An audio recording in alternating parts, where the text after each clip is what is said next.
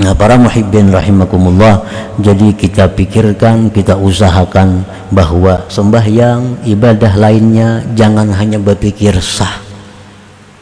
Bila sah cukup jangan. Karena setiap sah belum tentu kabul, belum tentu diterima oleh Allah Subhanahu wa taala.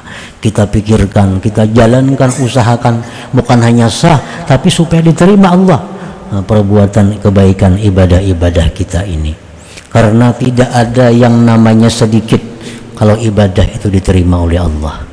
Tidak ada namanya sedikit kalau ibadah itu diterima oleh Allah. Walaupun dua rakaat besar maknanya. Asal diterima oleh Allah subhanahu wa ta'ala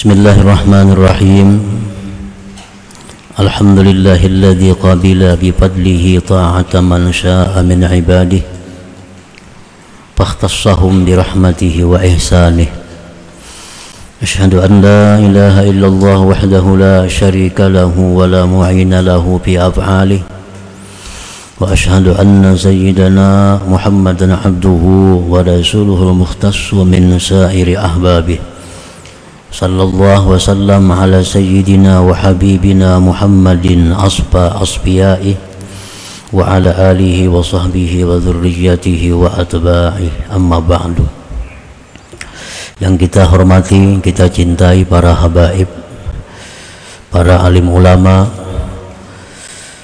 muhibbin, hadirin, hadirat, rahimakumullah.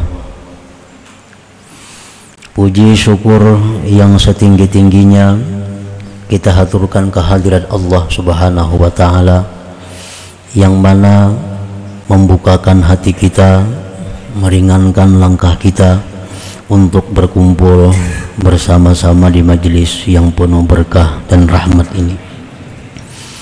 Salawat dan salam kita haturkan keharibaan junjungan kita Rasulullah Nabi besar Muhammad sallallahu alaihi wasallam dan kepada seluruh keluarga, para sahabat, zuriat dan pengikut-pengikut beliau. Para muhibbin rahimakumullah, al-hikmatu thalithatu wa tis'un minal hikamil ataiyah. Hikmah yang ke-93 dari al-hikamil ataiyah. Qala al-Imam Ahmad ibnu Athaillah Sakandari rahimahullah wa nafa'ana bi ulumi wa asrari berkata Imam Ahmad Ibnu Athaillah As-Sakandari rahimahullah wa nafa'ana bi ulumihi wa asrarihi. Rubbama fataha laka babat ta'ah wa ma fataha laka babal qabul. Yang artinya kadang-kadang Allah Subhanahu wa taala membukakan bagi engkau pintu ketaatan. Dan tidak dia bukakan bagi engkau pintu penerimaan. Artinya kadang-kadang Allah subhanahu wa ta'ala memberikan kepada seseorang itu hidayah memberikan taufik sehingga dia bisa taat kepada Allah. Tetapi hanya sebatas itu. Taatnya belum Allah buka pintu kabulnya. Banyak orang yang beribadah kepada Allah tetapi belum Allah terima ibadahnya. Banyak orang yang diizinkan masuk ke sebuah istana tetapi rajanya tidak keluar dari kamarnya menemui para tetamunya. Nah demikianlah perbandingannya Orang yang sembahyang, membaca Quran, menuntut ilmu, itu laksana orang-orang yang diundang ke dalam sebuah istana kerajaan. Tetapi belum tentu rajanya bisa keluar kamar menemui mereka itu. Barangkali mereka hanya diizinkan sekedar masuk istana untuk melihat-lihat keindahan istana itu. Nah, para muhibbin rahimakumullah. Demikian pula halnya banyak orang yang dibukakan hati untuk taat, untuk beribadah. Tetapi Allah tidak menerima amal ibadah mereka itu. Allah tidak membuka pintu kabul bagi ibadah mereka itu. Sehingga ibadah mereka itu tidak berbuah apa-apa. Ibadah mereka itu tidak dapat pahala apa-apa dari Allah Subhanahu wa taala. Nah, para muhibbin rahimakumullah. Lianna lil qabul syurutan zahirah wa batinah. Karena untuk diterimanya sebuah taat itu ada syarat-syarat yang zahir dan syarat-syarat yang batin yang mesti dipenuhinya.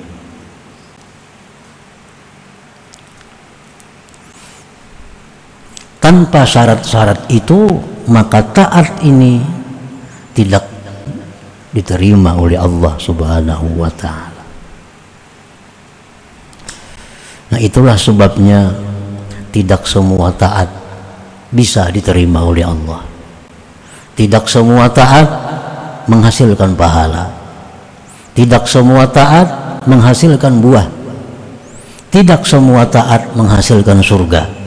Karena banyak taat-taat hamba itu yang hanya sampai di atas kepalanya tidak sampai ke hadirat Allah Subhanahu wa taala. Para muhibbin rahimakumullah. Pamin syurutiha zahirah setengah syarat-syarat taat yang diterima yang zahir ada uha fi waktiha. Menunaikan taat itu di dalam waktunya. Menunaikan taat itu di dalam waktunya. Nah apabila sebuah taat itu kita kerjakan sudah lewat waktunya nah, tentu tidak akan diterima lagi oleh Allah subhanahu wa ta'ala. Kalau kita undangan pengantin jam 1 sampai jam 4 itu undangan. Datang pukul 6 tetap disilahkan masuk beri ampun rumah. Tapi makanannya sudah habis. Hmm, hidangannya sudah habis. Qala Nabi sallallahu alaihi wasallam thalathatun la yaqbalullah minhum salatahum zakara minha wa rajulun atas salata dibara. Ad-dibar ayyatiyaha ba'da an tafutah. Rasulullah sallallahu alaihi wasallam bersabda tiga kelompok yang mana Allah tidak menerima dari mereka itu sembahyang mereka. Rasulullah menyebutkan dari yang tiga itu ada seorang laki-laki yang melaksanakan salat sesudah habis waktunya Kan sembahyang itu ada waktunya. Zuhur dari jam 12 lewat 4 sampai jam 3 sekian. Kalau kita sembahyang zuhur jam 4 tutup sudah. Itu ada zuhur lagi yang masuk asar. Jadi sembahyang kita zuhur itu walaupun kita menunaikan kewajiban kita, kewajiban kita lepas, tapi samarahnya, buahnya, pahalanya kada kita dapatkan lagi. Waktunya sudah habis. Nah jadi taat itu mesti berada dalam waktunya. Nah ini syaratnya yang zahir.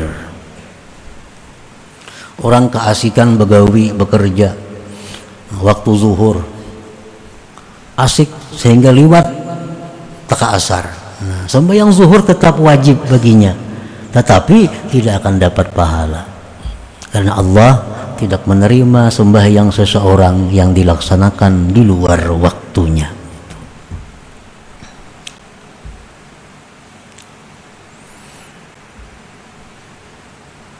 Nah, demikian pula apa-apa yang disampaikan oleh Rasulullah sallallahu tentang amalia-amalia. Yang ini baca pada waktu ini nah, ini baca sekian kali. Nah, itu bilangan-bilangan itu adalah merupakan syarat yang zahir untuk diterimanya sebuah amal. Wa minha setengahnya lagi dari syarat-syarat taat yang diterima itu yang zahirnya aklul halal nah, makanan yang dimakan halal Qala Nabi sallallahu alaihi wasallam inna malakan ala baitil maqdis yunadi kulla yawmin wa kulla laylah man akala haraman lam yuqbal minhu sarfa wala adla Rasulullah SAW bersabda bahwa malaikat di Baitul Maqdis Palestina Malaikat itu berseru tiap siang malam. Apa seruan malaikat itu pengumumannya? Siapa-siapa memakan yang haram tidak diterima baginya baik ibadah sunat atau ibadah pardunya. Makan makanan yang haram. Baik yang haram zatnya, minum arak misalnya, makan bangkai, makan binatang yang tidak halal nah ini haram zatnya ada yang haram wasilahnya padahal halal beras tapi caranya dengan haram. Nah itu pun haram.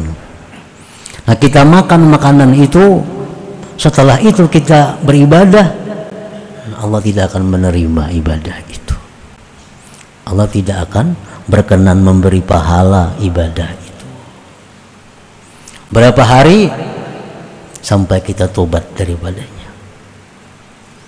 Sampai kita tobat daripadanya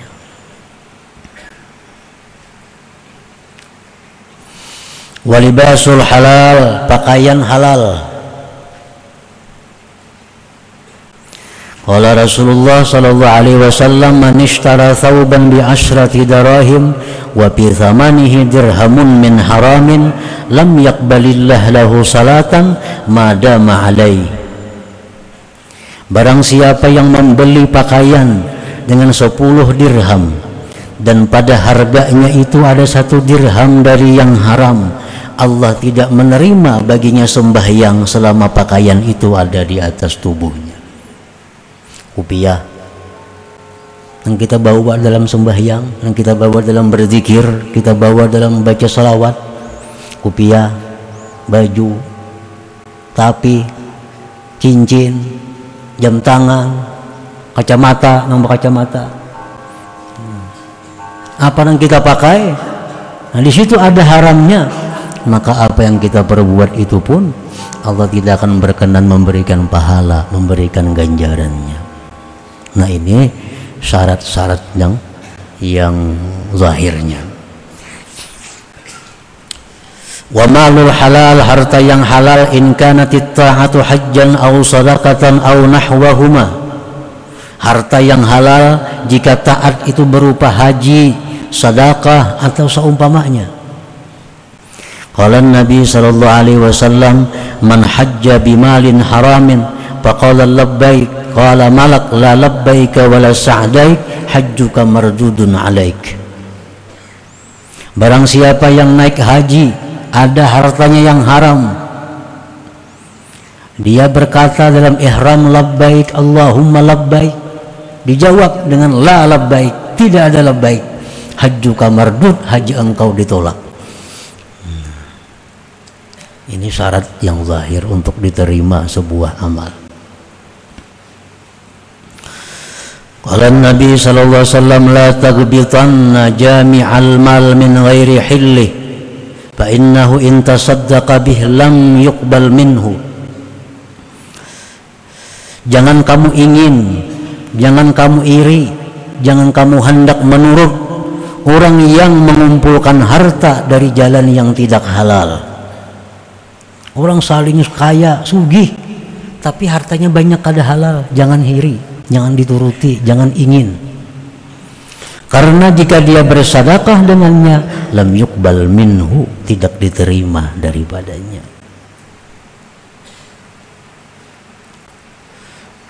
Nah kita lihat ada orang yang suka melaksanakan perbuatan yang haram-haram tadi. Tapi orangnya rajin sembahyang, rajin tahajud. Padahal orang ini membungakan duit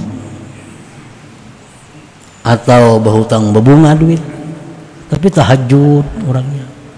Nah, itu biasa aja. Karena memang Allah ada membuka pintu amal tapi tidak membuka pintu kabul, pintu terima.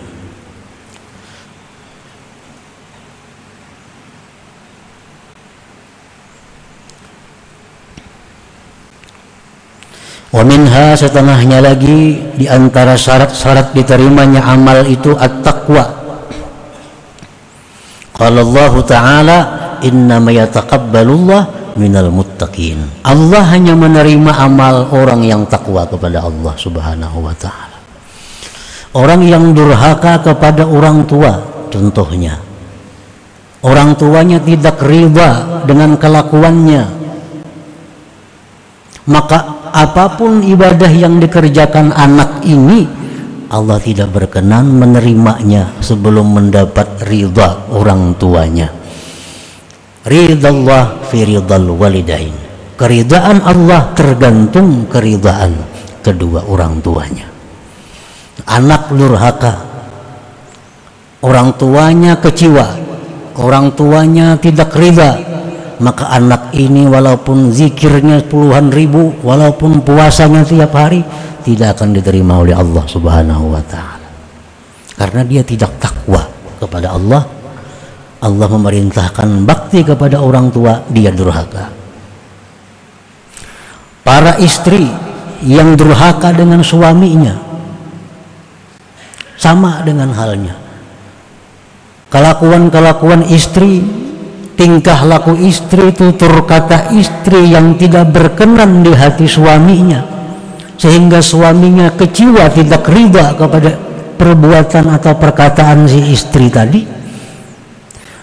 Maka apa pun ibadah yang dilakukan oleh istri itu tidak berkenan diterima oleh Allah subhanahu wa ta'ala sebelum suaminya meridai kepada istrinya. itu Kenapa sebabnya? Karena istri yang durhaka itu istri yang tidak takwa kepada Allah Subhanahu wa taala. Banyak orang durhaka lawan laki wani.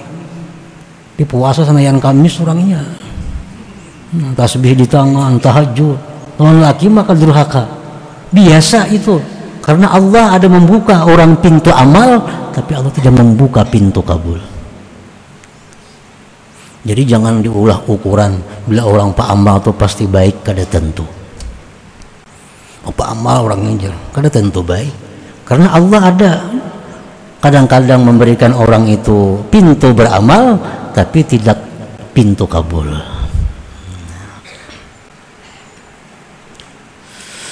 Nah, para muhibbin rahimakumullah itu syarat-syarat kabul yang zahir Nah, jadi kita usahakan beribadah tuh pada waktunya.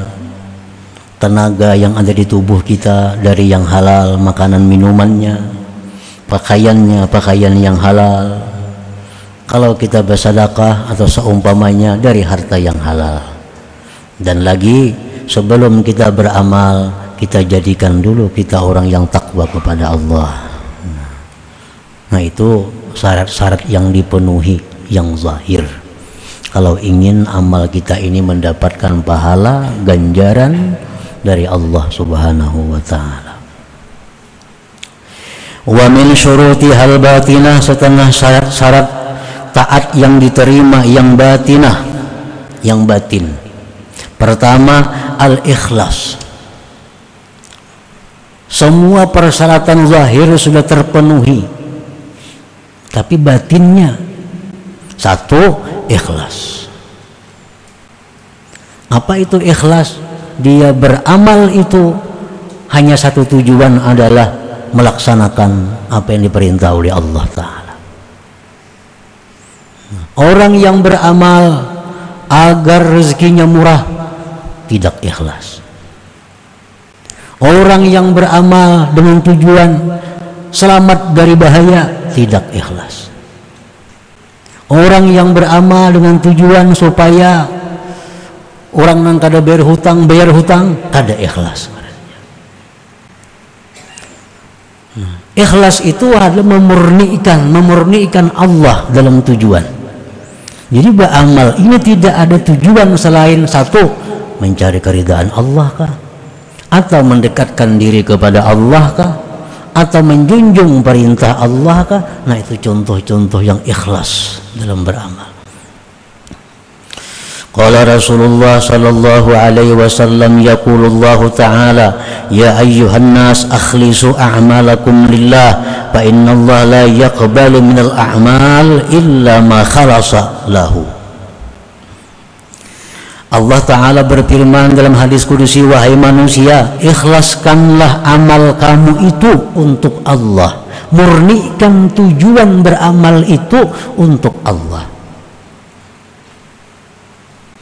Karena Allah tidak menerima amal Kecuali yang murni bagi Allah Subhanahu wa ta'ala. Wa minha setanahnya lagi dari syarat-syarat diterima yang batin ada mul ujubi bil amal ketiadaan ujub dengan amal. Ikhlas sudah ikhlas ini. Nah ujub. Jangan ada merasa bahwa beramal itu kehebatan dirinya. Jangan ada merasa beramal itu kekuatan dirinya. Jangan ada merasa beramal itu adalah merupakan kesanggupan dirinya. Biar demikian ujub Nah, bila ujub ini maka ibadahnya, amal, taatnya itu Allah tidak berkenan. Mestinya kita beribadah kepada Allah itu kita ingat bahwa ini adalah dari Allah Subhanahu wa taala.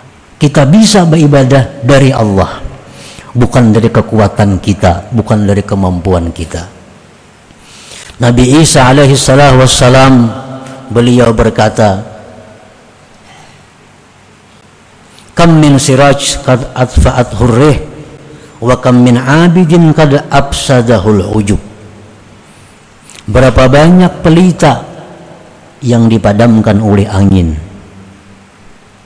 Berapa banyak orang yang beribadah yang dirusak oleh ujub dirinya itu. Selama kita beribadah itu ada ujub Allah kada akan berkenan Wa minha adamul idlal setanahnya lagi syarat yang batin agar taat diterima Allah tidak ada idlal. Idlal ini artinya apa? Merasa ada hak di sisi Allah karena ibadah, karena taat itu. Nah, itu idlal. Itu mesti tidak ada dalam hati kita. Jangan ada kita dengan ibadah itu, dengan taat itu merasa kita ada hak di sisi Allah Nah bila demikian ibadah kita kadang akan sampai ke hadirat Allah subhanahu wa ta'ala. Rasulullah SAW bersabda Inna salatal mudil la turfa fauqa ra'si. Sembahyang orang yang merasa ada hak di sisi Allah Itu kada terangkat dari kepalanya. Apalagi sampai ke langit Apalagi sampai ke hadirat Allah subhanahu wa ta'ala kita ini beribadah, beribadah, beribadah. Lalu kita merasa ada hak di sisi Allah. Nah ini kalau dibiarkan kina, andai katanya berdoa lalu kada kabul, merasa aneh. Oh kenapa Allah kada ngabulkan doaku? Nah merasa aneh. Itu akibat dari idlal ini ini sudah dibaca, ini sudah dilaksanakan, ini sekian kali, kenapa kada kabul juga? Nah rasa aneh Allah kada mengabulkan doa kita, ini akibat dari idlal itu. Karena dia merasa punya ada hak di sisi Allah. Nah itu merusak ibadah kita. Wa minha setelahnya ada mutakabbur biha. Nah, tidak ada merasa mulia, merasa lebih besar dari yang lainnya dengan taat itu. Sapa kawanan nih, inya aja saya kurang tahajud. Lalu inya merasa dirinya paling baik pada kawan-kawannya. Nah ini sudah tanda tahajudnya ditolak oleh Allah.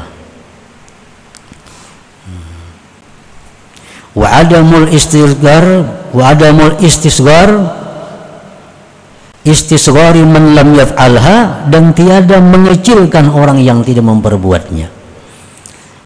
Kita bisa berzikir sepuluh ribu sehari. Ada kawan seribu inting seribu asal ada papa. Nama anggap remeh kawan yang seribu itu. Itu pertanda bahwa amal kita pun tidak diterima oleh Allah subhanahu wa ta'ala. Nah itu contoh-contoh daripada syarat batin agar sebuah taat itu diterima oleh Allah Subhanahu wa taala.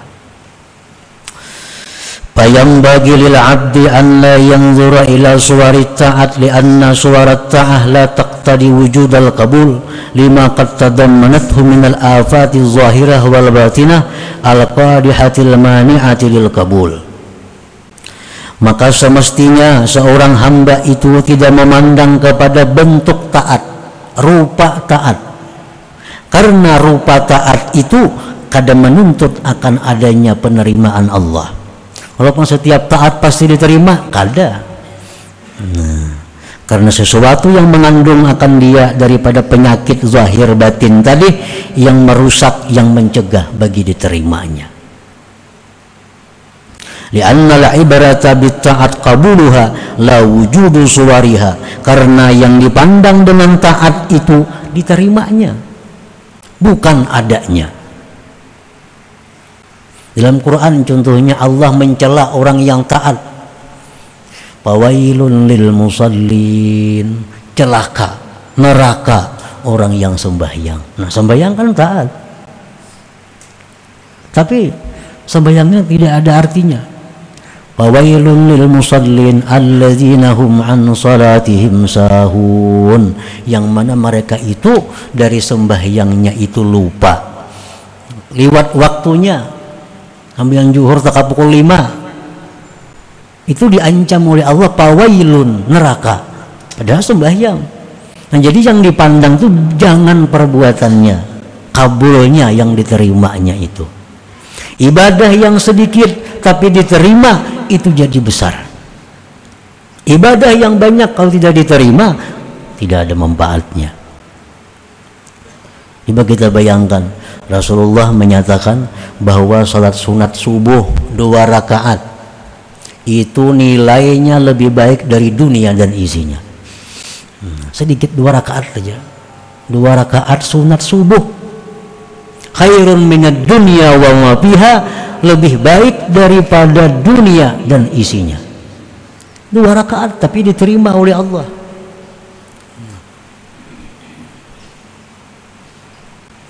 Ada hadis lain yang mengatakan berapa banyak orang yang sembahyang malam tidak ada bagian baginya kecuali hanya kesusahan dan kepayahan. Pahalanya kada ada. Nah, jadi jangan dipandang rupa taat. Jangan kita hanya memikirkan urusan rupa taat. Tapi yang lebih penting lagi bukan hanya sekedar rupa taat yang kita pikirkan, yang kita fokuskan tapi hendaknya bagaimana supaya taat ini bisa diterima oleh Allah Subhanahu wa taala. Naik haji, jangan hanya sekedar hajinya yang kita pelajari, yang kita pikirkan, yang kita usahakan, tapi bagaimana supaya haji itu diterima oleh Allah Subhanahu wa taala.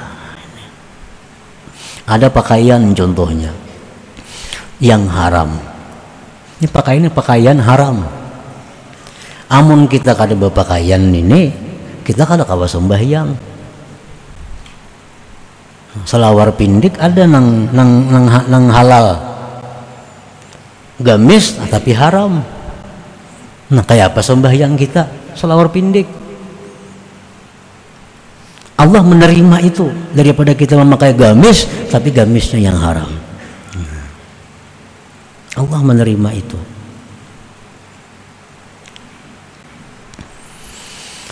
Alamatu kabulil amal tanda-tanda amal yang diterima oleh Allah. Halawatul ibadah summa halawatu syuhudil mun'im biha. Ini tandanya suatu taat yang diterima Allah. Adanya kelezatan, adanya manis dalam taat itu dan adanya kelezatan memandang Tuhan yang memberikan nikmat dengan taat itu. Hmm. Jadi beribadah tuh ada rasa terhibur beribadah tuh ada rasa nikmat. Nikmat dengan ibadahnya nikmat dengan Tuhan yang memberikan ibadahnya itu. Nah jadi bila kita tuh beribadah nyaman nikmat nah itu salah satu tanda. Tanda ini diterima. Itu tandanya. Yang kedua al unsubillah Orang yang taat ini diterima taatnya, dia akan jinak dengan Allah. Dia akan selalu berada di hadratullah. Nah, dia sangat sulit meninggalkan tempat yang jauh dari rahmatnya Allah. Masjid ini tempat rahmatnya Allah. Majlis taklim, majlis zikir tempat rahmatnya Allah. Nah, dia sangat berat meninggalkan itu. Nah, itu al-unsu billah. Itu tandanya tanda ibadah yang taat diterima itu. Sampai yang zuhur itu empat rakaat. Nikmat. Jaka boleh sepuluh rakaat digawinya tapi kada boleh. Daripada nyamannya sampai yang zuhur tuh. Nah, itu contohnya.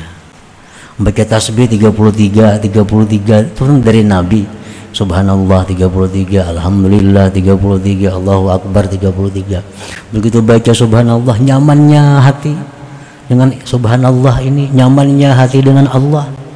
Jakanya boleh lebih pada 33 100 100 ya itu dibacanya. Nah itu tanda al-unsu billah. Rasa jinak dengan Allah. Itu tanda bahwa Allah berkenan dengan taat kita ini. Biasa salam sudah hilang pada masjid mestinya masjid itu kan tempat rahmatnya Allah. Andai kata diterima berarti jinak. Berat meninggalkan masjid itu. Tandanya lagi al-iktifa bi'ilmillah. Dia merasa cukup dengan pengetahuan Allah. Ini berbuat taat ini sudah cukup. Allah tahu. Yang lain biar kada tahu bapak. Nah al iktifa bi ilmillah dia merasa cukup dengan pengetahuan Allah dia berzikir, dia tahajud, dia baca Quran, yang lain kada perlu tahu. Yang penting Allah tahu sudah cukup. Nah ini tandanya taat itu diterima Allah. Walhasil setiap taat yang diterima Allah itu akan membuahkan sifat-sifat akhlak-akhlak yang terpuji bagi orang yang ibadahnya diterima Allah itu. Karena setiap taat, setiap zikir, apalagi sembahyang itu akan membentuk kepribadian seseorang. Akan membentuk akhlak seseorang. Jadi taat yang diterima Allah, zikir yang diterima Allah, sembahyang yang diterima Allah itu akan membawa perubahan dalam perilaku hidupnya, dalam akhlaknya sehari-hari. Nah, sama kan istilah orang dahulu. Emang itu ada hadisnya bahwa bila naik haji ya kelakuan kada berubah, mardut haji itu bujur. Karena haji itu perjalanan yang penuh dengan makna ihram itu apa maknanya? Melontar jamrah itu apa maknanya? Tawaf apa maknanya? Sa'i apa maknanya? Andai kata itu semua diterima Allah akan membentuk kepribadian yang luar biasa bagi orang yang hajinya mabrur itu. Setiap ibadah yang diterima pasti akan merubah akhlak kepada akhlak yang lebih baik daripada sebelumnya Nah, para muhibbin rahimakumullah, jadi kita pikirkan, kita usahakan bahwa sembahyang, ibadah lainnya jangan hanya berpikir sah. Bila sah cukup jangan. Karena setiap sah belum tentu kabul, belum tentu diterima oleh Allah Subhanahu wa taala. Kita pikirkan, kita jalankan, usahakan bukan hanya sah tapi supaya diterima Allah nah, perbuatan kebaikan ibadah-ibadah kita ini karena tidak ada yang namanya sedikit kalau ibadah itu diterima oleh Allah. Tidak ada namanya sedikit kalau ibadah itu diterima oleh Allah. Walaupun dua rakaat besar maknanya. Asal diterima oleh Allah subhanahu wa ta'ala. Nah kemudian hikmah yang ke 94 minal hikam. Ila hadratin nabi sallallahu alaihi wasallam al-fatihah bismillahirrahmanirrahim. إياك نعبد وإياك نستعين اهدنا الصراط المستقيم صراط الذين أنعمت عليهم غير